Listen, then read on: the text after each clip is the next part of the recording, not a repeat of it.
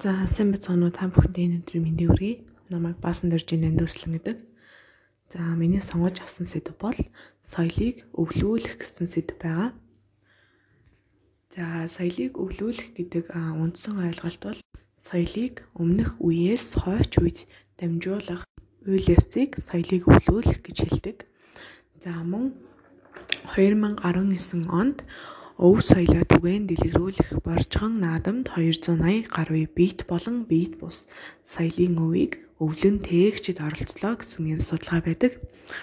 За соёлыг өвлүүлдэг одоо юм ямар ямар хүмүүс ч юм уу ямар нийгмийн институт соёлыг өвлүүлдэг вэ гэвэл гэр бүл, сургууль, найз нөхөд, хэвлэл мэдээлэл гэсэн юм нийгмийн дөрвөн институт соёлыг өвлүүлдэг. За би яагаад гэр бүл, сургууль, найз нөхөд хэвлэл мэдээлэл гэсэн ийм дөрвөн институтыг сонгож авсан бэ гэвэл за гэр бүл бол хүний хамгийн анхны анхдагч ангинд за одоо ерөнхийдөө бол хүнийг одоо ямар хуу соёлтой хүн одоо ямар хуу хүмүүжлэлтэй болох вэ гэдгийг гэр бүл тодорхойлдог. А мөн сургуульд орснороо багш болон нийгмийн ажилтан бидэнд ямар нэгэн соёлыг хүмүүжлийг олгож байдаг. За ийм болохоор гэр бүл сургуулийг оруулсан.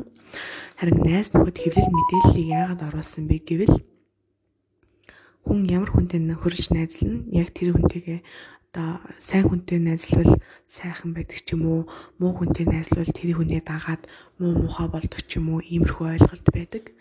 За тийм болохоор би найз нөхөд гэсэн институтыг оруулсан байгаа.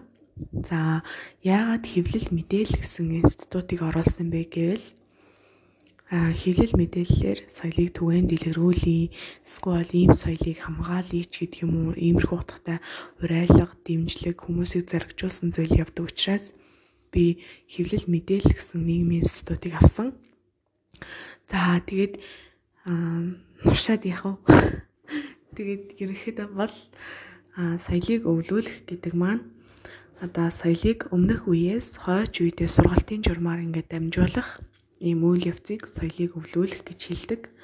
За тэгэхээр та бүхэндээ бүгдэнд нь амжилт хүсье. За тэгээд бүгд 800 аваарай.